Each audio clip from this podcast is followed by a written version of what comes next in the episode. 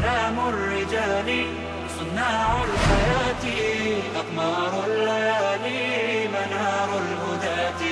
علام الرجال صناع الحياة أقمار الليالي منار الهداة. فزالوا سباتي وصاروا بذاتي نشيد الحياة. وصاروا بذاتي نشيد الحياة. تركنا الهوانا وعادت قوانا بعزم الأبات. وعادت قوانا بعزم الأبات. آه يا من تسامى وخلى المنام. جرى العمر إن الحمد لله نحمده ونستعينه ونستغفره ونعوذ بالله من شرور أنفسنا ومن سيئات أعمالنا. من يهد الله فلا مضل له ومن يضلل فلا هادي له. أشهد أن لا إله إلا الله وأشهد أن محمدا عبده ورسوله. وقال ربنا في كتابه كريم بعد أعوذ بالله من الشيطان الرجيم. يا أيها الذين آمنوا اتقوا الله حق تقاته ولا تموتن إلا وأنتم مسلمون. pripada Allahu subhanahu wa ta'ala, koga naš gospodar Allah na pravi put uputi zaista je upućen, a koga ostavi u zabludi neće mu naći nikoga ko će ga na pravi put uputiti. Svjedočim da nema drugog istinskog Boga osim Allaha subhanahu wa ta'ala i da je Muhammed alaih salatu wasalam posljednji Allahu poslanik poslan sa istinom. Naš gospodar je kazao u svojoj plemenitoj knjizi, ovi koji vjerujete, bojte se Allaha istinskom bogobojaznošću i ne umirite nikako drugačije osim kao muslimani. Zatim, assalamu alaikum wa rahmetullahi wa barakatuhu. Zahvaljujem Allahu subhanahu wa ta'ala što nas je ponovo okupio, poživio na uputi, da večeras se družimo i da govorimo o njegovim velikim veličanstvenim imenima. Večeras, draga braćo i cijene sestre, govorit ćemo o dva nova Allahova subhanahu wa ta'ala velika imena. Dva imena koja svi mi priželjkujemo da uberemo te plodove spoznaje tih imena. Zatim isto tako očekujemo kod Allah te bareke ve ta'ala se istinski nadamo da nas obaspe značenjima tih imena. To su dva velika imena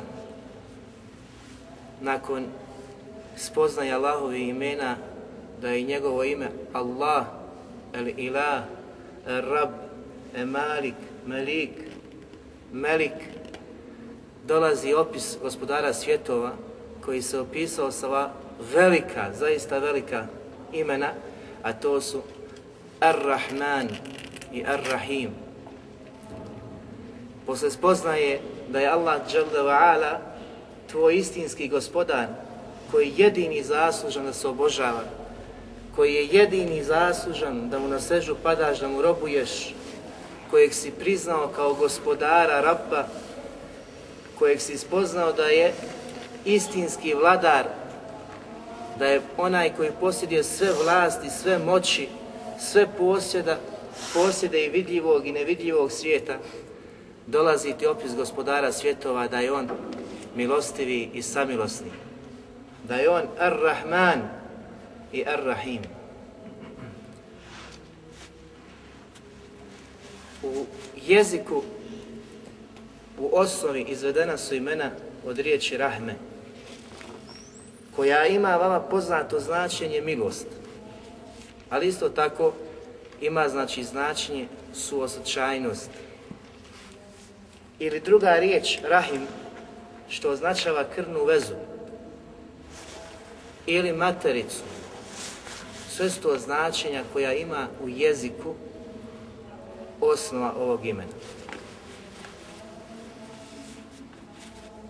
Da li su Arapi u džahilijetu, prije pojave poslanika alaih salatu wasalam, prije dolaska Kur'ana i spuštanja objave, da li su poznavali Allahova te bareke ve ta'ala ime Ar-Rahman?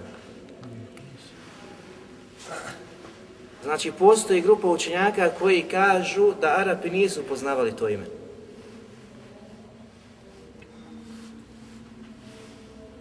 Dokaz navode hadis poslanika alaih sallatu wasalam, odnosno događaj na Hudejbiji, kada je trebalo da se potpiše ugovor između poslanika alaih sallatu wasalam i mušrika, pa je poslanik sallahu alihi wasalam naredio Ali radi Allah anhu da napiše kaže piši Bismillah Ar-Rahman Ar-Rahim. U ime Allaha milostivog samilosnog. Suhejl, koji je tada bio mušrik, se je začudio kazao Ar-Rahman. Ja ne poznajem, ko je taj? Šta to znači? Znači njegov istup, njegov nastup u tom trenutku dokazuje da on kao negira značenje, odnosno negira spoznaju i znanje tog imena. Pa mu je poslanik sallahu, odnosno on je nastavio kazao, nego ti piši kao što si imao običaj do sad pisati. Bismike Allahumme. U tvoje ime, gospodar, gospodaru naš. To je prvi dokaz koji bilježi Buharija i Muslim, znači hadis, da učinjaci dokazuju da Arapi u džahilijetu prije, znači nego što je došao poslanik alaih sallatu wasalam i ova objava Kur'an plementi, nisu poznavali Allahovo ime Ar-Rahman. Zatim navode dokaz drugi, a to je kuranski ajet, gdje Allah Đelešanu kaže u suri Furkan, 60. ajet, وَإِذَا قِيلَ لَهُمُ اسْجُدُوا لِلرَّحْمَنِ قَالُوا وَمَا الرَّحْمَنِ A kada im se naredi i kaže činite seždu Rahmanu milostivom, oni upitaju ko je taj Rahman. Znači oni ga ne poznaju. Zatim kaže وَمَا الرَّحْمَنُ أَنَسْجُدُ لِمَا تَأْمُرُنَا وَزَادَهُمْ نُفُورًا Zar ćemo se, kaže, da ćemo činiti seždu onome koga ne poznamo, a to im je samo znači veću propast, odbojnost povećavalo. Znači takva tvrdnja, takav izgovor. Ovaj ajet jasno ukazuje vanštino da su oni negirali znanje o Rahmanu. Jer su pitali ko je Rahman, zar njemu da činimo ne znamo ko je taj Rahman. Međutim, ova dva dokaza, imam, znači Ibn Đarir, Taberi, poznati mu Fesir Kur'ana, je žestoko odgovorio svim onima koji kažu da mušici nisu poznavali Rahmana. I kaže nije istina i nije tačno. Zašto? Zato što Allah Đelešan na drugom mjestu u Kur'anu kaže وَقَالُوا لَوْ شَاءَ الرَّحْمَانُ مَا عَبَدْنَاهُمْ I oni govore da je htio milostivi, mi im ne bi pokorno činili, mi ih ne bi obožavali. Šta znači ovdje? Potvrda Allahovog imena Rahman, pa kažu, a da je on milostivi htio, znači drugačije, mi ne bi njima i bade činili lažnim božanstvima. Zatim Allah Đelešanu kaže Ma lehum bidalike min ilm in hum illa jahrusun Oni o tome ništa ne znaju. Znači to pripisuju da je Allah subhanahu wa ta'ala tako htio, kaže oni samo lažu. I ovo je suri Zuhruf. Međutim šta je Imam Ibn Đarir potvrdio ovim ajetom? Potvrdio je da su mušici Meke ipak znali. Allahovo ime Rahman. Međutim, i svoje oholosti kaže, i svoje odbojnosti su poricali to, odnosno to, to Allahu te barek ime i taj ajet koji sadrži. Jer su mi kazali da je ilhad u Allahovim ajetima da poričeš Allahove ajete ili dio ajeta. Potvrdiš sve, ali negiraš ovo Rahman, kažeš to nije Allahovo ime. To je ilhad. Iskretanje i izvrtanje značenja, znači Allahovi te barek ajeta. Pa on kaže, oni su poznavali značenje, ali su negirali, znači, iz oholosti, odnosno poricali su, poricali su to. Što jasno, znači, nama dokazuje i ukazuje, i to je stav većine islamskih učenjaka. Znači, većina islamskih učenjaka smatra i tvrdi da su Arapi znali i poznavali Allahove Tebare Kevetala ime Ar-Rahman i da nije, znači, tačna, da nije tačna ova tvrdnja koji kažu da nisu poznavali. U Kur'anu Allahove te bareke ve ta'ala knjizi Allahovo ime Ar-Rahman se spominje na 57 mjesta.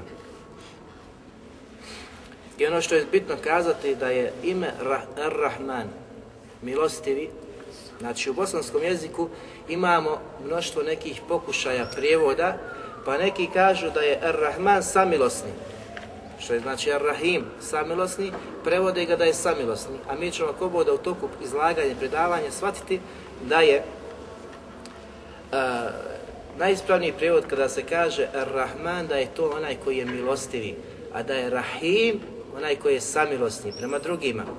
Jer zašto? Kada shvatimo ona pravila koja smo govorili, da Allahova imena imaju mutaaddije, prelaznog značenja koje se znači prenosi na, na stvorenja, tada ćemo shvatiti značenje ovih, ovih imena. To ćemo u nastavku predavanja kazati. Što znači? Da je Allahovo ime Ar-Rahman sveobuhvatnije i daleko znači obsežnije i jačega značenja od imena Rahim. Ar-Rahim. I vidjet ćemo da je Allah subhanahu wa ta'ala zabranio svim drugim stojima se nazivaju imenom, dok Rahim je dozvolio i nazvao je poslanika alaih sallatu wasalam tim imenom, što ćemo ako da poslije govoriti. E, u suri Al-Bekare 163. ajet Allah Đelešanu spominje ovo svoje ime pa kaže Va ilahukum ilahum vahid Zaista je vaš jedin istinski Bog jedan La ilaha illahu i zaista pored njega nema drugog istinskog Boga Ar-Rahmanur Rahim koji je milostivi i samilosni. Znači ovo je potvrda ovih imena, ali u stvari mi navodimo potvrdu za ime Rahman. Znači sura Bekara 165. ajet. Zatim u suri Merijem 93. ajetu Allah subhanahu wa ta'ala kaže Kullu man fis samavati wal ardi illa ati rahmani abda. Sve što je na nebesima i sve što je na zemlji i u zemlji, svi će doći pred gospodara svjetova Rahmana sami. Što Habibi te odmah poduči, podučava da koga god da uzviješ za prijatelja na Dunjalku, za koga god da se veziš mimo gospodara svjetova, on će te ili iznevjeriti ili ostaviti ili će se na sudnjem danu od tebe odreći. Jer ćeš doći pred svog gospodara koji je milostivi sam i sam ćeš odgovarati za sve ono što si činio. Zato se pripazi i gledaj kako ćeš postupati na Dunjalku. Zatim Allah subhanahu wa ta'ala kaže u suri Taha u petom ajetu Ar-Rahmanu alal arši stava Milostivi koji se je uzdigao iznad, iznad arša. Zatim Allah subhanahu wa ta'ala suri Furkan 26. ajetu kaže El mulku jevme idinil haqqu lir rahman a vlast, istinska vlast tog dana će pripasti Rahmanu, Allahu Akbar. Na sudnjem danu, mi smo govorili prošli put, Malik, kad smo ga opisivali da je Malik, Melik, Melik, istinski vladar, kojem sve pripada, opisao se taj isti istinski vladar sunnjeg dana, gospodar, da je on Rahman. Znači, takvom gospodaru će pripasti tog dana vlast Rahman koji je milostiv, samilostan što ćemo vidjeti kolika je Allahova tebareke ve ta'ala milost. وَكَانَ يَوْمًا عَلَى الْكَافِرِينَ عَسِيرًا A taj isti dan u kojem će Allah Žešan biti toliko milostiv i opisat ćemo njegovu milost, koliko je ostavio za sudnji dan, kaj taj dan će biti težak, tegoban za nevjernike. Nema milosti tog dana za njih, Bibi. Danas ima šansu, danas je iskoristi, danas se popravi, danas budi vjernik, danas se Allah okrenu subhanahu wa ta'ala, jer sutra na sudnji dan nema Habibi više milosti. Za tebe ne ako se odrekneš pravoga puta, ako skrineš, ako ostaneš nevjernik. Jer su, znači, ovo riječ upućen svim onima koji nisu uvjeri da se vrate Allahu subhanahu wa ta'ala, da posvjedoči njegovo jedinstvo u svemu. Taj dan za njih neće biti milosti, iako je tog dana Allah subhanahu wa ta'ala ostavio 99 dijelova milosti, što ćemo govoriti tako ovo. Zatim, Allahovo ime Ar-Rahim se spominje na 114 mjesta u Kur'anu. Poput, znači, ajta suri Bekar 54. ili 143. suri Tahrim u prvom ajetu. Innehu huwa tawwabur rahim. Zaista je on taj koji prima pokajanje, tawwab, i koji je Rahim, koji je samilostan. Zatim, na drugom mjestu 143. ajet Inna Allahe bin nasi la raufun rahim. Zaista Allah prema ljudima blag i samilostan. Blag i sam prema ljudima. Vidjet ćemo ta značenja koliko znači kada se odnose na Allah subhanahu wa ta'ala. Wallahu gafuru rahimu suri Tahrim prvi ajet. Kakva su značenja ovih imena kada se odnose na Allah subhanahu wa ta'ala? On se opisao, znači, i da je Rahman i da je Rahim. I da je milosti i da je samilostan. Imaju dva govora, znači, učenjaka koji su pokušali da nam naprave razliku između ovih imena. Znači, mi u većini slučaja kada čujemo Rahman, Rahim, da ne možemo oći neku razliku. Ali smo kazali, ne može gospodar svjetova se opisati imenima koje imaju isto značenje. Ne bilo fajde, ne bilo koristi. Allah subhanahu wa ta'ala se opisao sa mnogim imenima i svako to ime ima posebno značenje. Posebno znači smisao. i ovdje ćemo navesti šta su kazali učinjaci. Prvi govor jeste da Rahman obuhvata, znači svojom milošću sva stvorenja i na Dunjaluku i na Ahiretu. Znači, a na Ahiretu će biti posebno, znači Rahman prema vjernicima. A dok su na Dunjaluku, svojom milošću obuhvata sve. I ništa ne izlazi iz, znači, njegove i njeg, okvira njegove milosti. Dok ime Rahim su kazali da je posebno, znači ta vrsta milosti koja će se ukazati prema vjernicima na ahiretu. Znači Rahman obuhvata svojom milošću sva stvorenja na, na Dunjaluku. I vjernika, i nevjernika, i dobrog, i lošeg. Znači onoga koji je dobar u vjeri, koji za, zaostaje u vjeri, sve i Allah te barek ve tala svojom milošću obuhvata. Ali taj isti Rahman na sudnjem danu neće iskazati i ukazati svoju milost osim prema vjernicima. I zato kaže ovo drugo ime Ar-Rahim, da je ono posebno za Allaha subhanahu wa ta'ala na sudnjem danu koji će ukazati prema istinskim, istinskim vjernicima. I kažu da je dokaz, znači prije svega da je milosti prema svima Ar-Rahmanu al arši stava. Za, zaista se je milostivi uzdigao iznad Arša. Što znači da onaj koji je iznad Arša, a Arš je njegovo najveće, znači, najveć, naj, uh, najveće stvaranje, stvorenje koje je stvorio gospodar svjetova, a on Rahman koji je iznad Arša, koji je daleko veći, što ne možemo ni pojmiti, niti zamisliti, možemo sve priuštiti da pomišljamo, daleko veći od toga, a ta isti koji je iznad Arša, gospodar veličanstveni, je Rahman. Opisao se, znači, zajedno sa svojim uzdizanjem da je on Ar-Rahman, što znači da je milostiv za sve one koji su ispod njegovog Arša, ispod njega su A drugi im je dokaz, znači to je za opću, znači, milost, a drugo, znači, posebno za vjernjeva, kane bili mu'minine rahima. Rahima, ne Rahman, Rahima.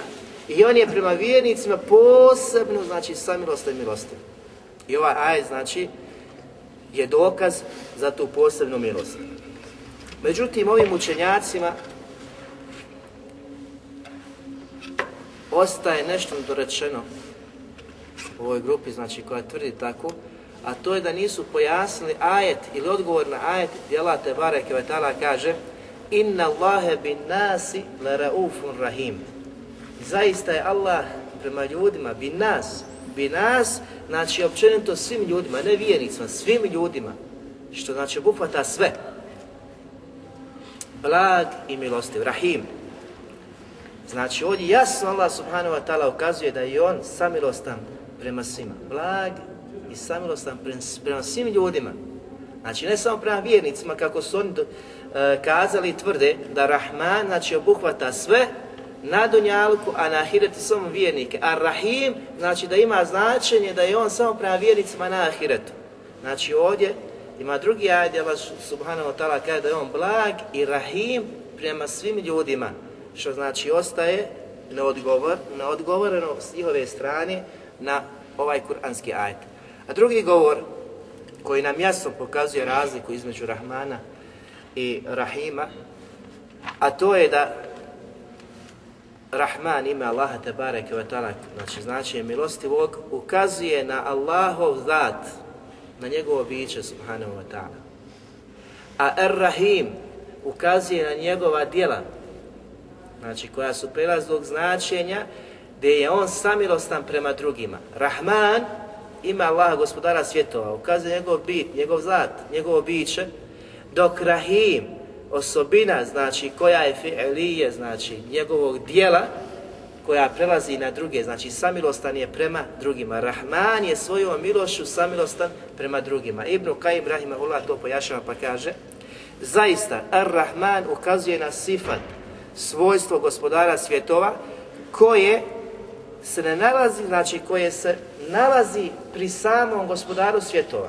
Znači da je on Rahman milostiv, sifat koji je uz gospodara svjetova, znači opis Allaha subhanahu wa ta'ala. A kaže Ar-Rahim ukazuje na njegovu povezanost sa onima prema kojima se on subhanahu wa ta'ala smilovao. Znači on, Rahman, ime gospodara koji ukazuje njegov zad, njegovo biće, e, posjeduje, znači drugo ime Rahim, milostivi koji je znači prema drugima, prema drugima milostiv. Pa kaže pa prvo, znači Rahman ukazuje da je milost Allahova osobina, a drugo ukazuje da se Allah dželle smiluje svojom osobinom prema drugim, prema drugim stvorenjima. Pa kaže, ako želiš da shvatiš i da razumiješ ovu razliku, obrati pažnju na sljedeće. Znači, svaki onaj koji želi da vidi zaista istinsku razliku, kako je on shvatio, kaže, innehu bihim raufun rahim. Zaista je on prema njima blag i milostiv. Znači, Allah, gospodar svetova, Rahman, je prema njima blag i milostiv. Pa zatim kaže, وَكَانَ بِلْ مُؤْمِنِينَ rahima. I zaista je on prema vjernicima posebno, znači samilostan. I oba dva, znači, ajta ukazuju Rahim. Allahu te barek ve ime Rahim. A kaže, nije došlo da je Rahman prema njima, znači milostiv. Nije se opisao i sa imenom Rahman, nego Rahim. Zatim kaže, Ar-Rahman je ime koje je Allah zabranio da se drugi nazivaju takvim imenom. Šta je dokaz? Dokaz je znači obavezno razumijevanje ajeta gdje Allah Đelešanu kaže قُلِ ادْعُوا اللَّهَ أَوْ ادْعُوا الرَّحْمَنَ أَيَّمَا تَدْعُوا فَلَهُ الْأَسْمَاءُ الْحُسْنَى Reci vi zovite Allah ili zovite milostivi. Kako god da ga dozivate, zaista On subhanahu wa ta'ala posjeduje najljepša imena. Allah Đelešanu ovdje spominje, znači prvo Allahovo ime Allah. Znamo, znači, da se spominjalo dosta da je to ime zabrajeno bilo kome i ti nema stvorenja na dunjalku, niti prije, znači je postalo koje je nosilo ili se nazvalo takvim imenom.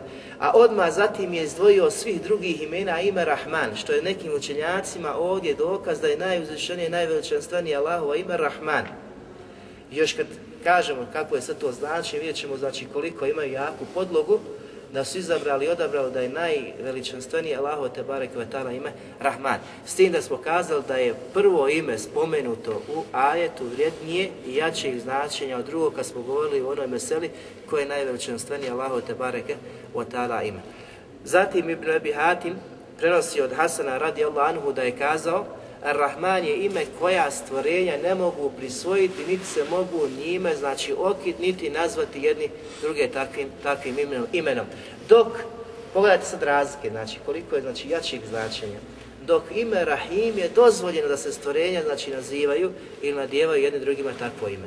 Dokaz je šta? Dokaz je da je gospodar svjetova nazvao naj bolje stvorenje Muhammeda ali salatu wasalam tim imenom kada ga je opisao u Kur'anskom ajetu suri Taube 128. ajet kada kaže لَقَدْ جَاءَكُمْ رَسُولٌ مِنْ أَنْفُسِكُمْ عَزِيزٌ عَلَيْهِ مَا عَنِتُّمْ Zaista vam je došao poslanik od vas kojem teško pada vaša situacija.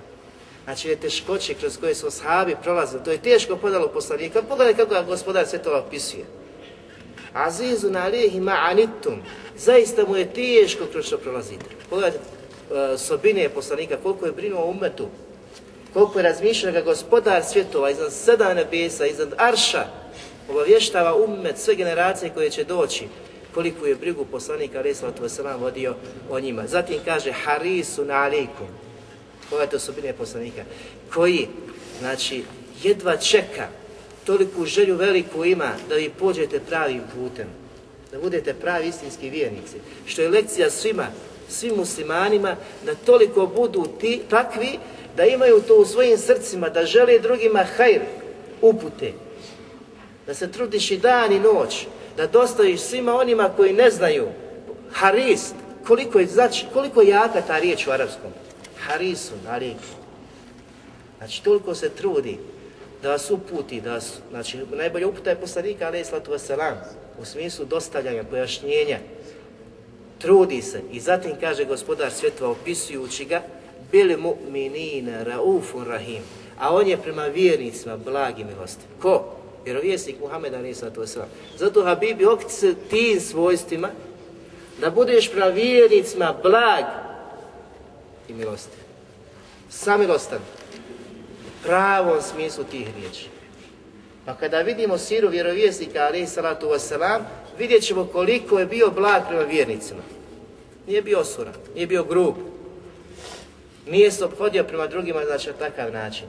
nego su sve te plemenite osobine koje gospodar svjetova potvrđuje kakav je naš vjerovjesnik Muhammed a.s. bio. I ovo je dokaz Raufun Rahim, da je on prema vjernicima Raufun, znači blag, što isto Rauf, od Allahu te tala i bila koje ćemo govoriti, dozvoljen drugi nadjevati, jer je ovo dokaz da je gospodar svjetova opisao Muhammed a.s. sa ova dva velika imena, Raufun Rahim, da je blag, blag i samilostan.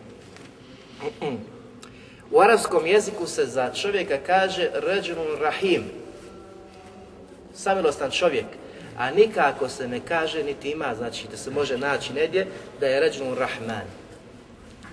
Ne može se naći. Dok se kaže da je rahim.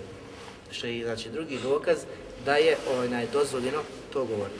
Zatim govori Ibn Kesira Rahimahullah kada je komentarisao ovaj prvi gore navedeni ajet zovite Allah ili Rahman Kaže, ovo je, znači, dokaz da gospodar svjetova ima imena kojima se samo on, subhanahu wa ta'ala, nazvao, a ima imena koja su zabrajena drugima, poput imena Rahman, El Halik, El Razik, to on ovdje znači navodi, a mi ćemo kod spomenuti druga imena kada budemo pojašnjavali, znači ostala Allahu subhanahu wa ta'ala imena. Tragovi spoznaje ovih velikih imena u životu muslimana. Kada ih spoznaš, Abibi, da je tvoj gospodar Rahman, Ar-Rahim i milostiv i samilostan, šta to treba da prouzrokuje kod tebe? Kako da se okitiš tim osobinama? Jer svako ovo ime gospodara svjetova traži od tebe, Habibi, da upoznaš, spoznaš i da uzmeš ono što ti je dozvoljeno od udjela, od tih velikih značenja, tih velikih imena. Sama riječ, milostiv, samilostan. Možeš odmah da pretpostaviš šta je to što je najbitnije da uzmeš od toga. Međutim, nama od prvih plodova jeste da ovaj manifest Allahove milosti je vidljiv u svim stvorenjima, u svom njegovom stvaranju. Mi vidimo tu milost gospodara svijeta u svemu. U nama samima, u životinjama, znači u, u, u svemu što je gospodar svjetova stvorio, mi vidimo kako znači ostavlja traga ta njegova subhanahu wa ta'ala, znači sobuhvatna, sobuhvatna milost. Kaže Ibnu Kajim, rahimahullah, mi to možemo prepričati, ali će izgubiti značenje.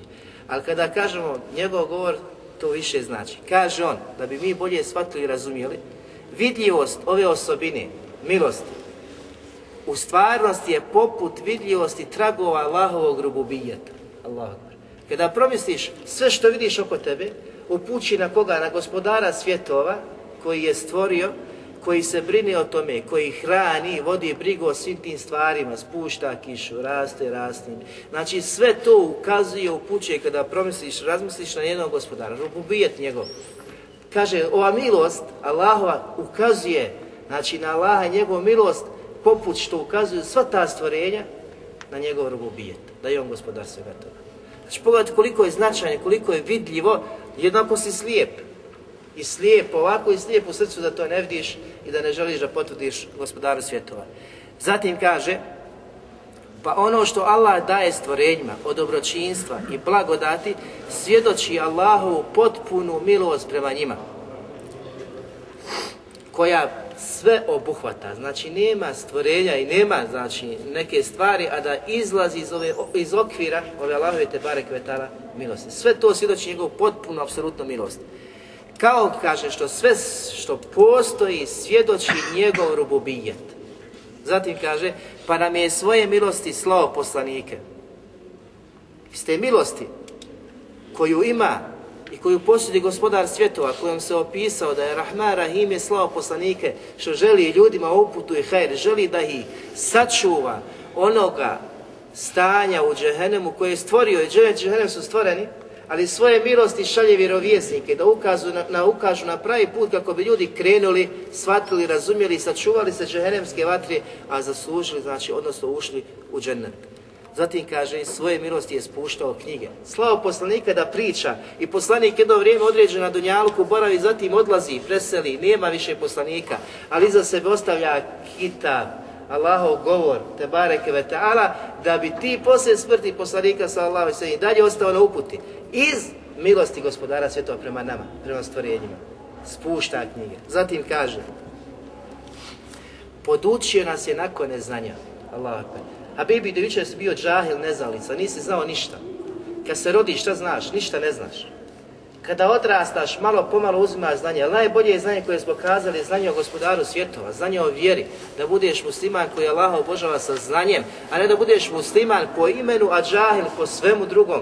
Nisi spoznao, niti znaš kome padaš, kome robuje, zbog čega činiš, niti imaš ih glasa, iskrenosti, sva tvoja su djela radi drugih a najmanje radi, radi Allaha gospodara svjetova. A on subhanahu wa ta'ala i svoje milost prema tebi rukavim kaže te je podučio, izvukao te iz žehla neznanja i želi ti hajr čim te je podučio i čim te je okitio osobinom da ideš da tragaš za znanjem. Jer smo rekli poslaniku sallahu alihi hadis kome Allah želi hajr podući ga propisima vjere, što automatski ukazuje na drugu stranu. Kome Allah želi zlo, ostavi ga u džehlu da luta. Zato nisu isti koji znaju i koji ne znaju.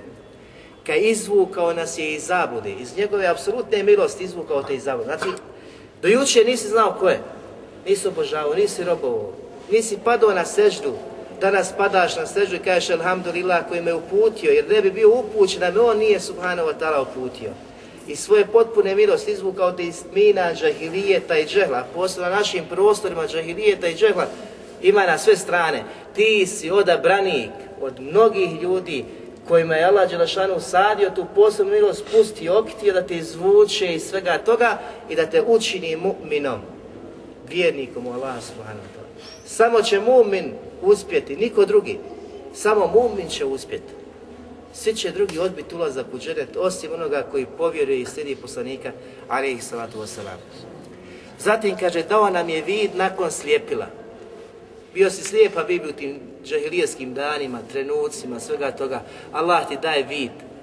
Da vidiš istinu i da je slijediš. Subhana, koja je to Allahova milost prema tebi? Zaboravi dunjaluk i ljepote dunjaluka u parama i metku i svemu tome. Ovo ti je najveća milost koju te ukazuje.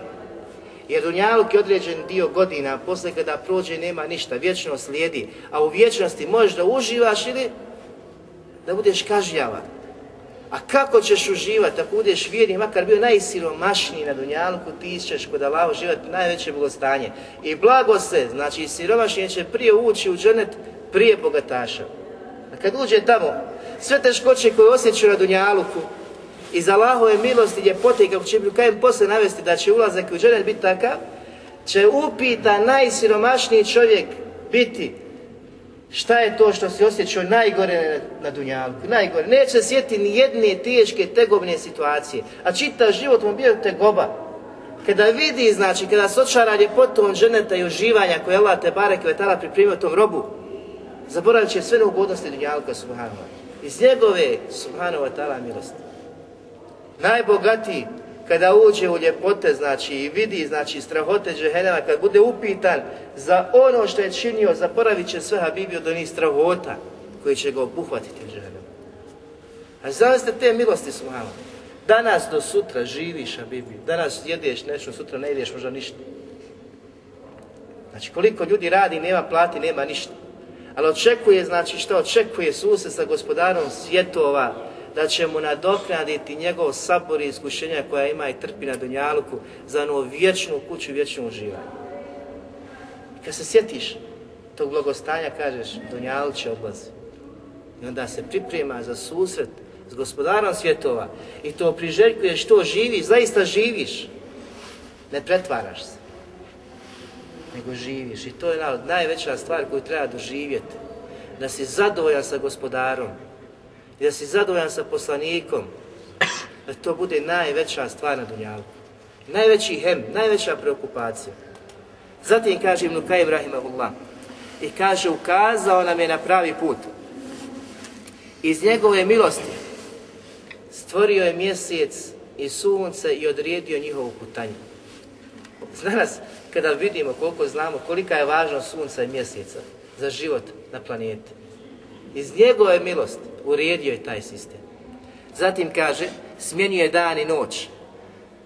Poravnao je zemlju i učinio mjestom boravka i za žive i za mrtve. Do dana određenog, kada će sve to nestati. Zatim kaže, i svoje milosti stvorio nam je oblake i kišu, pa čini da raste povrće i voće i razno bilje. Zatim kaže, počinio mi je životinje za jahanje i nošenje tereta od kojeg imamo koristi, znači jelu i piću. I svoje milosti je spustio milost. I svoje milosti je spustio milost među svoje robove. I svoje milosti je spustio milost među svoje robove, zato i vidimo da su onaj milostivi jedni prema drugima.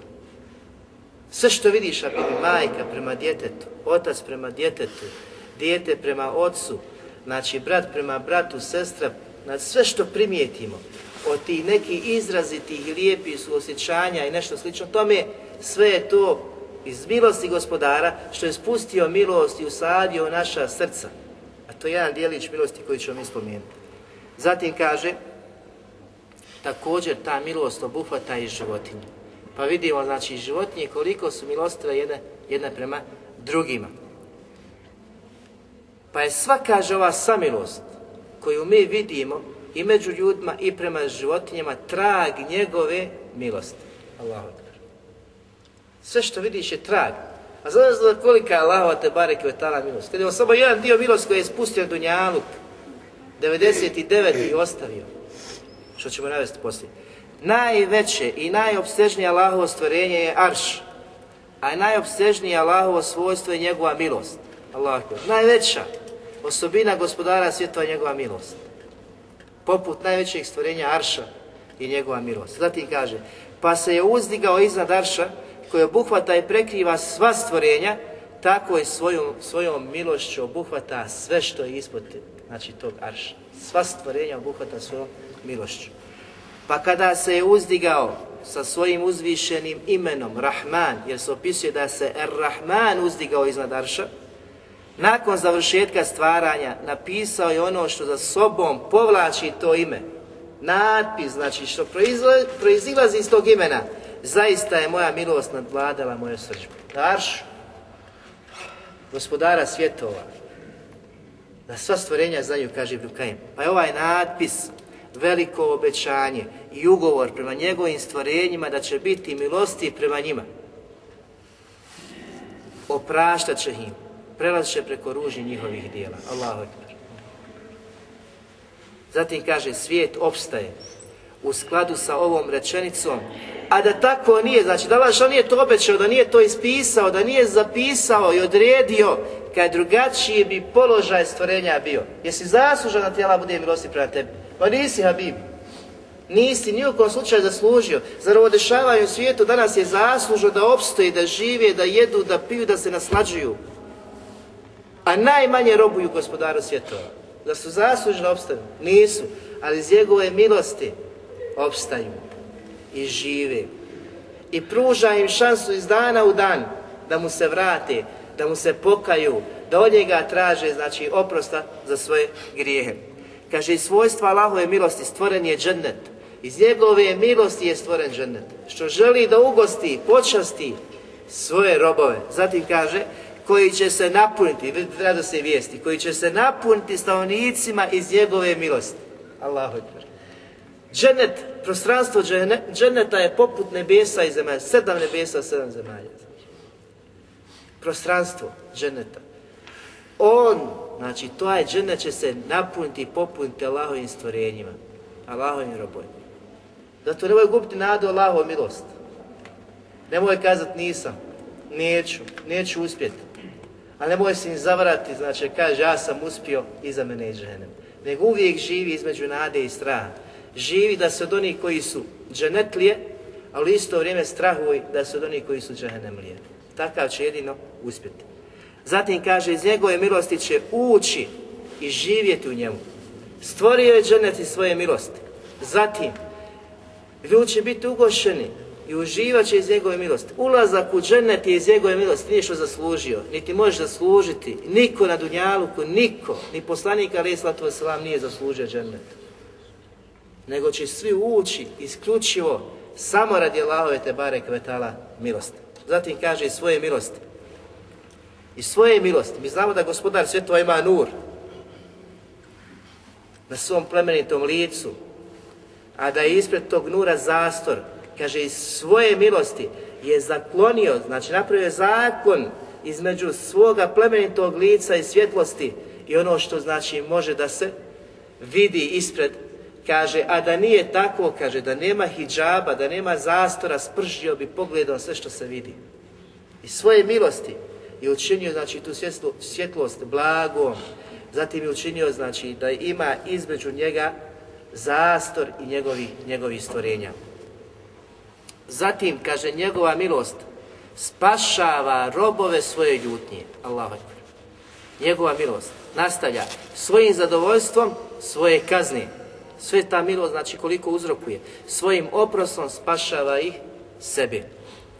Učinio je robove jedne drugima potrebnim, a on subhanahu wa ta'ala je svima potreban. Danas, Bibi, ja ne mogu nešto raditi bez tebe, doći, pomozi, pri, pritekni u pomoć. Ja tebi slično. I mi smo jedne drugih potrebni.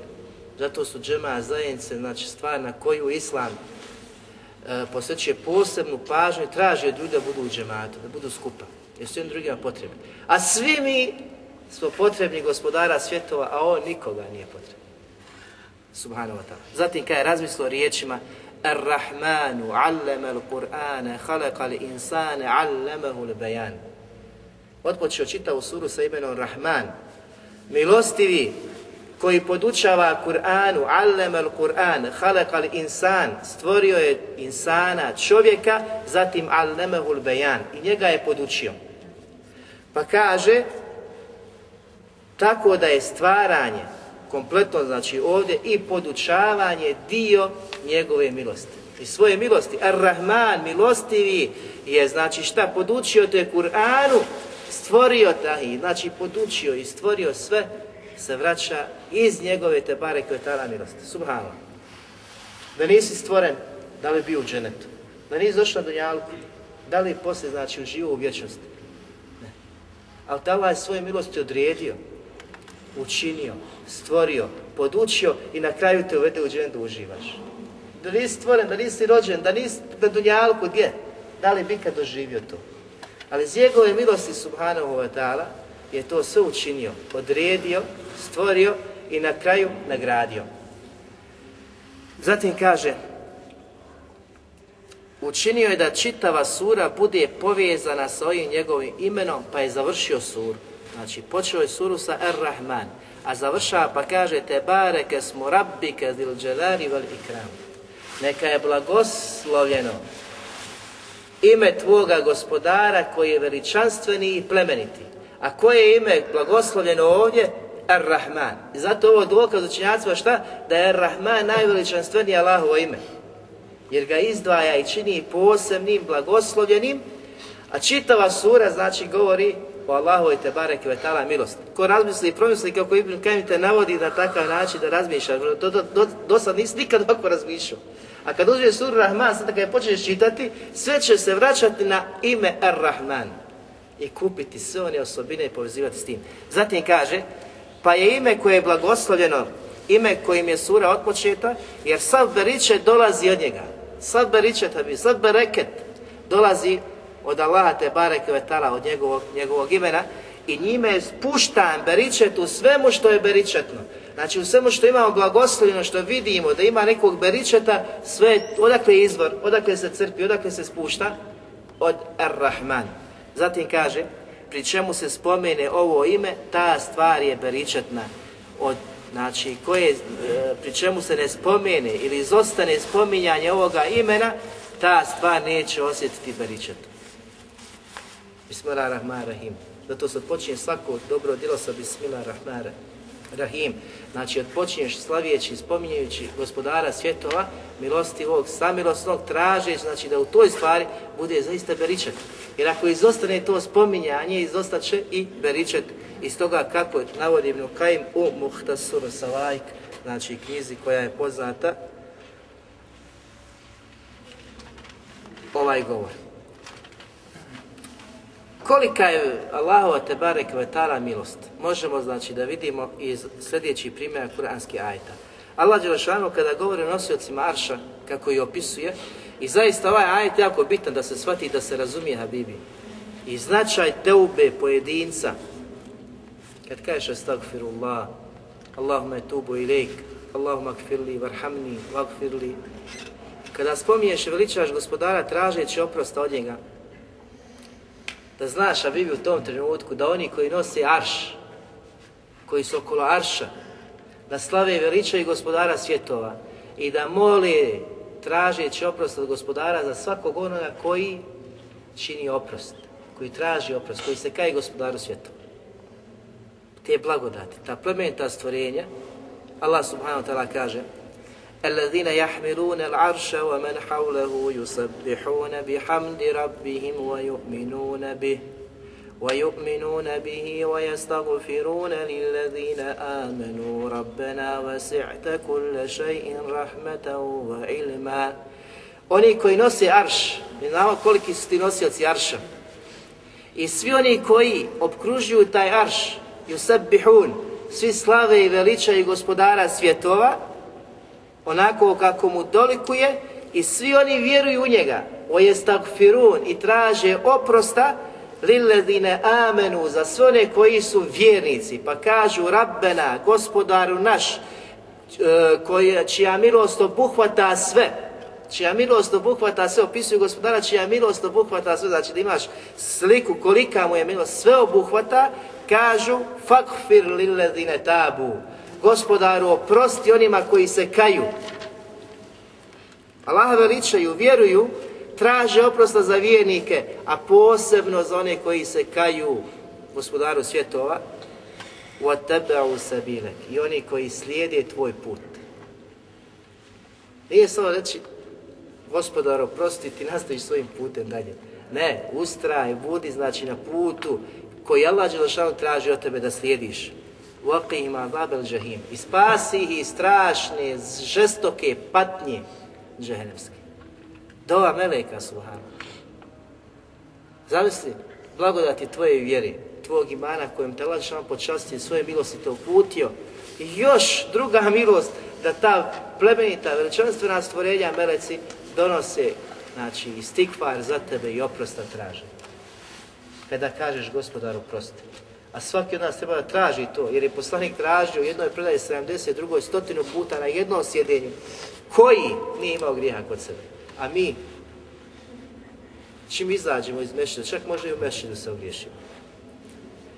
Zatim, u suri Al-Araf Allah subhanahu wa ta'ala opisuje, znači ovo su ajeti koji kazuju na a, veličinu Allahove te barek ve milosti. Kaže Allah Đelšan sura Al-Araf 165. ajet, قال عذابي أصيب به من أشاء ورحمتي وسعت كل شيء Što se tiče, kaže, moje kazne, kaznit ću njome onoga koga budem ja htio. A moja milost sve obuhvaća. A moja milost sve obuhvaća. Znači, kaznit će koga bude on, subhanahu wa ta'ala, htio. A njegova milost sve obuhvaća.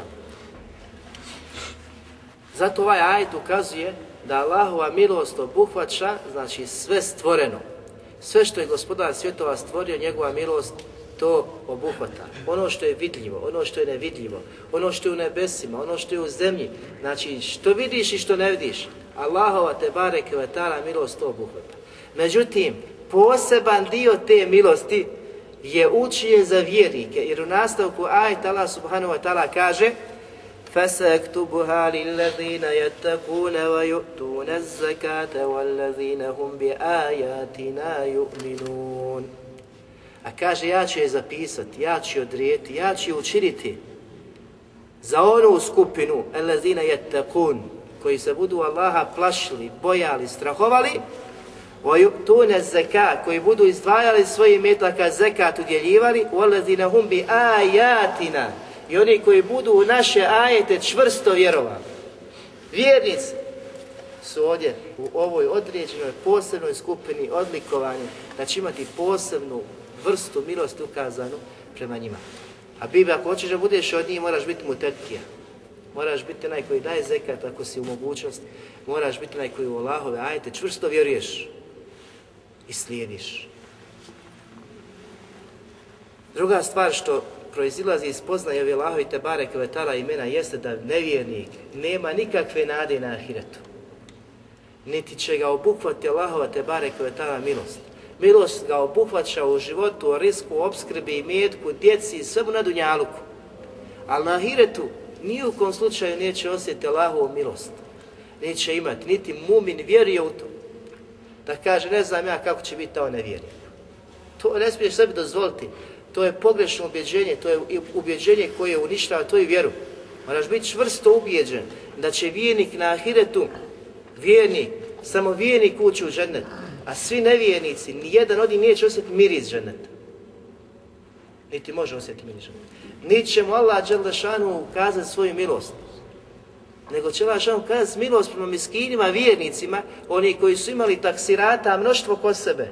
Pa su njihova dobra djela, znači, odnosno njih je nadvladala su loša djela, pa ako bude Allah htio da mu im se smiluje, živje znači ispod volje Allaha te bare kvetala. Ako bude htio da im se smiluje, oprostit će im srnjači njihove loše stvari, a uvešće i smilovat će im svoje milosti zbog onih dijela koji su odazvali gospodaru svjetova i poslaniku, ali i salatu wasalam, što ćemo navesti poslije.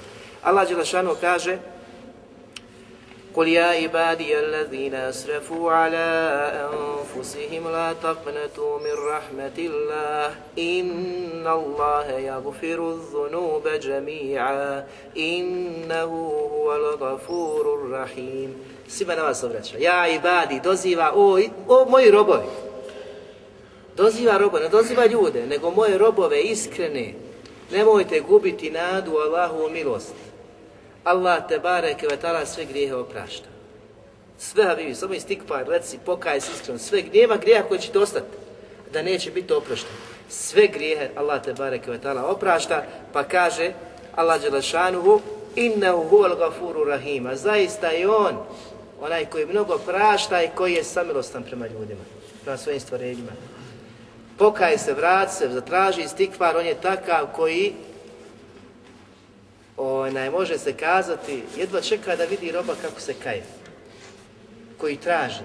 Danas ljudi, kada mu dođeš, kaj molim te, imaš li, imaš li, imaš li, četvrti put, treći mu daj, bježi, odmah te zamrzni. Jel? Mrzak se mu postao. Zato što puno išćeš, tražiš. Allah Đelešanu te više voli što više išćeš, što više tražiš od njega. Još više te voli. Zato ta osobina nikad se može porediti. Gospodara svijeta je osobina stvorenja. Kod osobine stvorenja su manjkavost, Znači nema savršenstva, a sve osobine kod gospodara svjetova su potpuno savršenstvo, ono što smo govorili prije. Zatim Allah Đelešanu opisuje kome će biti milostiv, kome će svoju milost ukazati, pa kaže illa men tabe wa amana wa amila amalan salihan fa ulaika yubaddilu Allahu sayyi'atihim hasanat. Oni koji se pokaju, zatim povjeruju, zatim počnu raditi dobra djela, takvima će Allah Đelešanu zamijeniti sva loša djela za dobra djela. I pa kaže dalje, وَكَانَ اللَّهُ غَفُورًا رَحِيمًا Allah je taj koji mnogo prašta i koji milosti. Upamte, Habibi redoslijed, onaj koji se pokaje, zatim čvrsto povjeruje, zatim počne raditi dobro djelo, dobro djelo, takvima će Allah Đelešanu njihova loša djela zamijeniti za dobra djela. Znači, subhanallah, pogledajte beričeta te teube, i milosti Allaha subhanahu wa ta'ala, da kad mu se pokaješ, vratiš, povjereš, počneš će ustrajavati u dobročinstvu, dobrim dijelima, Allah da sad tva loša djela, što se čini oprašta, a ne samo da ti oprašta, nego ti zamjenjuje za dobra djela. Pa zamislite, sad džahilijet koji si živio, teubom iskrenom Allahu te bare kvetala sve prelazi na vagu dobrih, dobrih djela. Straži se iskrenost, da si čvrst. I ovdje, znači, mogu se zavarati ljudi, niko ne zna gdje ću, šta ću, kako ću tamo. Moje srce je ispravno. Allah što kaže, ko se pokaje, ko čvrsto povjeruje, zatim počne raditi dobra djela. Sve jedno s drugim. Ne može izostati jedno. Ne možeš vjerovati bez ovih dijela. Ne možeš biti vjernik da se nisi pokajao, vratio gospodaru svjetova, očistio, odlučio da budeš pravi istinski vjernik, mu'min. I ustraješ na tome. Zatim imaš radosnu vijest da će Allah Žešan tako oprostiti i zamijeniti dobra djela, odnosno loša djela dobrim. Zatim kaže Allah Žešanu وَإِنِّي لَغَفَّارٌ لِمَنْ تَابَ وَآمَنَ وَعَمِلَ صَالِحًا ثُمَّ اهْتَدَى Obećanje gospodara svjetova koji ne krši svoje obećanja, opisujući sebe وَإِنِّي لَغَفَّارٌ Zaista sam ja onaj koji mnogo prašta kome?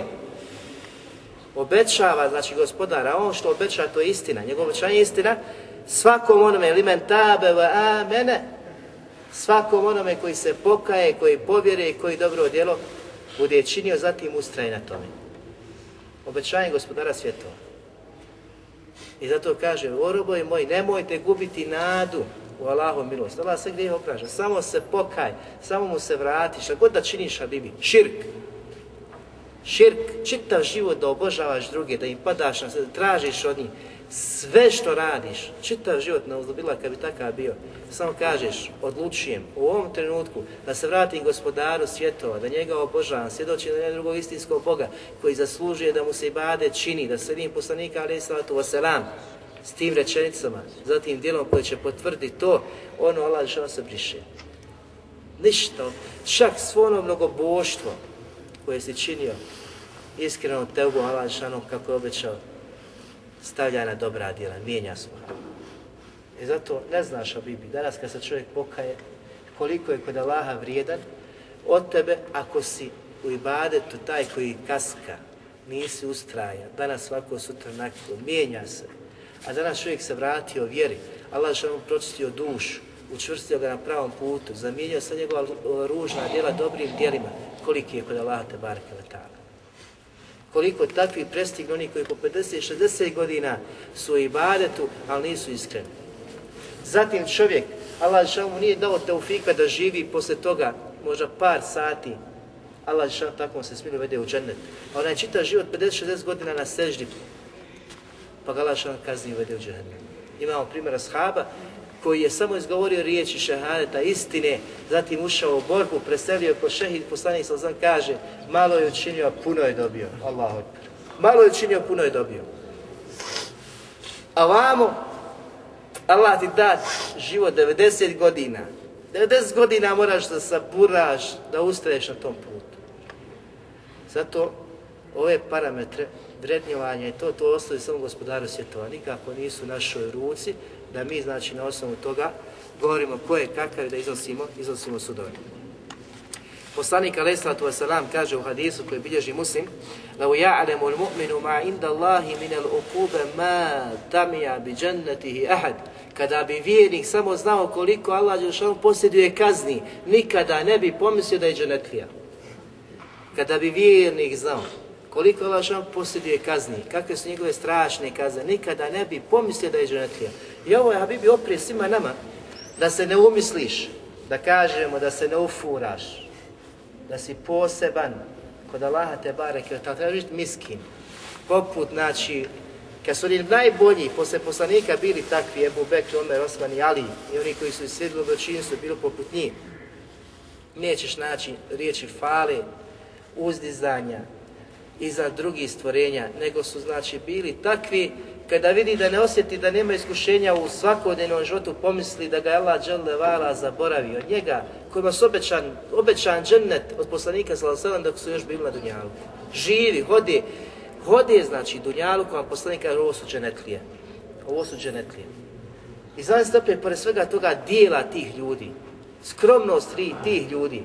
A mi danas, subhanallah, imamo kakvo obećanje, a pored toga toliko imamo majkavosti u našim ibadetima, u našem svakodnevnom životu, a osjećamo se kao da smo Ebu Bekri, Omer, Osman i Ali. To treba, zato kaže poslanik sa sedam, u džennet neće ući onaj u čijem srcu bude trun oholosti. Trun oholosti, trunkica oholosti. U džennet takav neće ući. Nemoj da se kiburiš, nemoj da se uzdižeš, nemoj da se uzvisuješ, nemoj da te to zanese, da pomisliš da si bolji, nego se smatra i najgorim. Hasan al-Basri kada su ga upitali, slušao je znači u mešidu kako ljudi komentarišu šta je skromnost. Pa su na kraju znali koga će pitati učenog, pa kažu o Hasane, o Ebu Saide, znači kunja mu je bila Ebu Said. Kaže, šta je skromnost? Šta ti misliš šta je skromnost? Kaže, skromnost je da izađeš iz kuće i da smatraš svakog muslimana boljim od sebe. A, to je skromnost. Da svakog muslimana smatraš da je bolji od tebe. Ne uzdiži se, ne znaš ti ko je kakav kod Allaha te bareke ve taala. Čije je djelo tako vrednovano, znači svojom iskrenošću. Jedno malo djelo sičušno koje ti ne obraćaš pažnju, ako je tako iskreno, koliko znači te može uzdići kod Allaha te bareke ve taala. A isto tako jedno djelo koje je neiskreno, koliko te može poniziti i srozati sa onih deređa, znači na kojima se bio od imana ispod Zato treba se čuvati toga. Kaže poslanik dalje u nastavku: "Walau ya'lamu al-kafiru ma 'inda Allahi min rahme, ma qanata min džennetihi ahad. A kada bi nevjernik znao kolika je Allahova milost ili kolike su Allahove milosti, nikada ne bi, znači, pomislio da neće ući u džennet. Bio bi siguran da će biti džennetlija. Kada bi znao, znači, zaista kada bi mogao to obuhvatiti, shvatiti, razumijeti istinskom spoznajom, kolika je Allahova te barek milost, nikada ne bi izgubio nadu, znači, da ćeš biti dženetlija. Kao nevjernik su, nevjernik u Allaha te barek nevjernik u poslanika.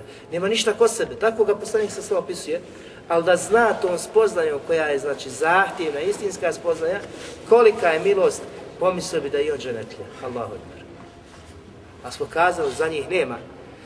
Zatim sama objava koja je spuštana od gospodara svjetova Vahije, Kur'an, ona je sama znači po sebi od Allaha te barek ve taala milost. Allah subhanahu wa taala u suri Nahl 89. ajetu kaže: "Wa nazzalna alayka al-kitaba tibyana li kulli shay'in wa hudan wa rahmatan wa bushra lil muslimin."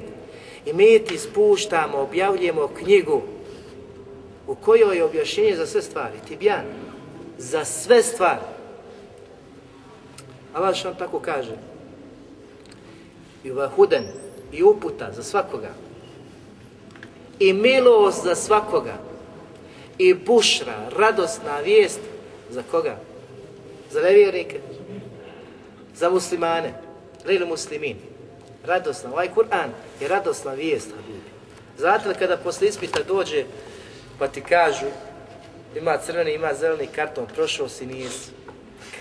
Ti vidiš taj čitav na kojem piše si prošao, kolika, kolika je to radost za tebe. A kad vidiš nešto što ti nosi, kaj je paos, kolika je razlika. E ova bušra je sami kitab od Allaha te bareke od tala Kur'an za muslimane, za svakog onoga koji se pokori i živi život koji traži gospodar svjetova od njega. Ima radosnu vijest. Radosna vijest je Abibi uspjeh i na Dunjaluku, uspjeh i na Ahiretu. Dženetlija. Ima li veće radosti da se može muminsko srce nečemu više radovati od susreta sa Allahovim riječima, Allahovom knjigom, da je uči, izučava, sluša. Ne može Habibi. A ako osjeti slast u nečemu većom od te, zapitaj se znači za sebe koliki si, jer to je kelamu Allah, Allahu govor. Treba biti najveći u tvom srcu, u tvom životu. Da najviše priželjkuješ, da najviše trudiš da ga učiš, izučavaš i slušaš. Zatim, Allahova te barek milost premašuje njegovu sržbu i to je od plodova spoznaje ovih velikih Allahovi te vetala imena. Jer u hadis kuciju poslanik sallahu alihi vseleme kaže da je gospodar svjetova kazao zaista je moja milost prestigla moja, moju sržbu. Buharija i muslim znači bilježe ovaj, ovaj hadis. Što znači da je Allahova te bareke vetala milost daleko veća, obsežnija od njegove sržbe. A kad bi kažnjavao sve robove, kažnjavao bi svoje pravedosti jer su zaslužili da budu kažnjeni. I ne bi ostao niko na Dunjalu kada nije kažnjen, ali svoje milosti ne kažnjen. Što je opet znak kolika je njegova Tebare Kvetala milost.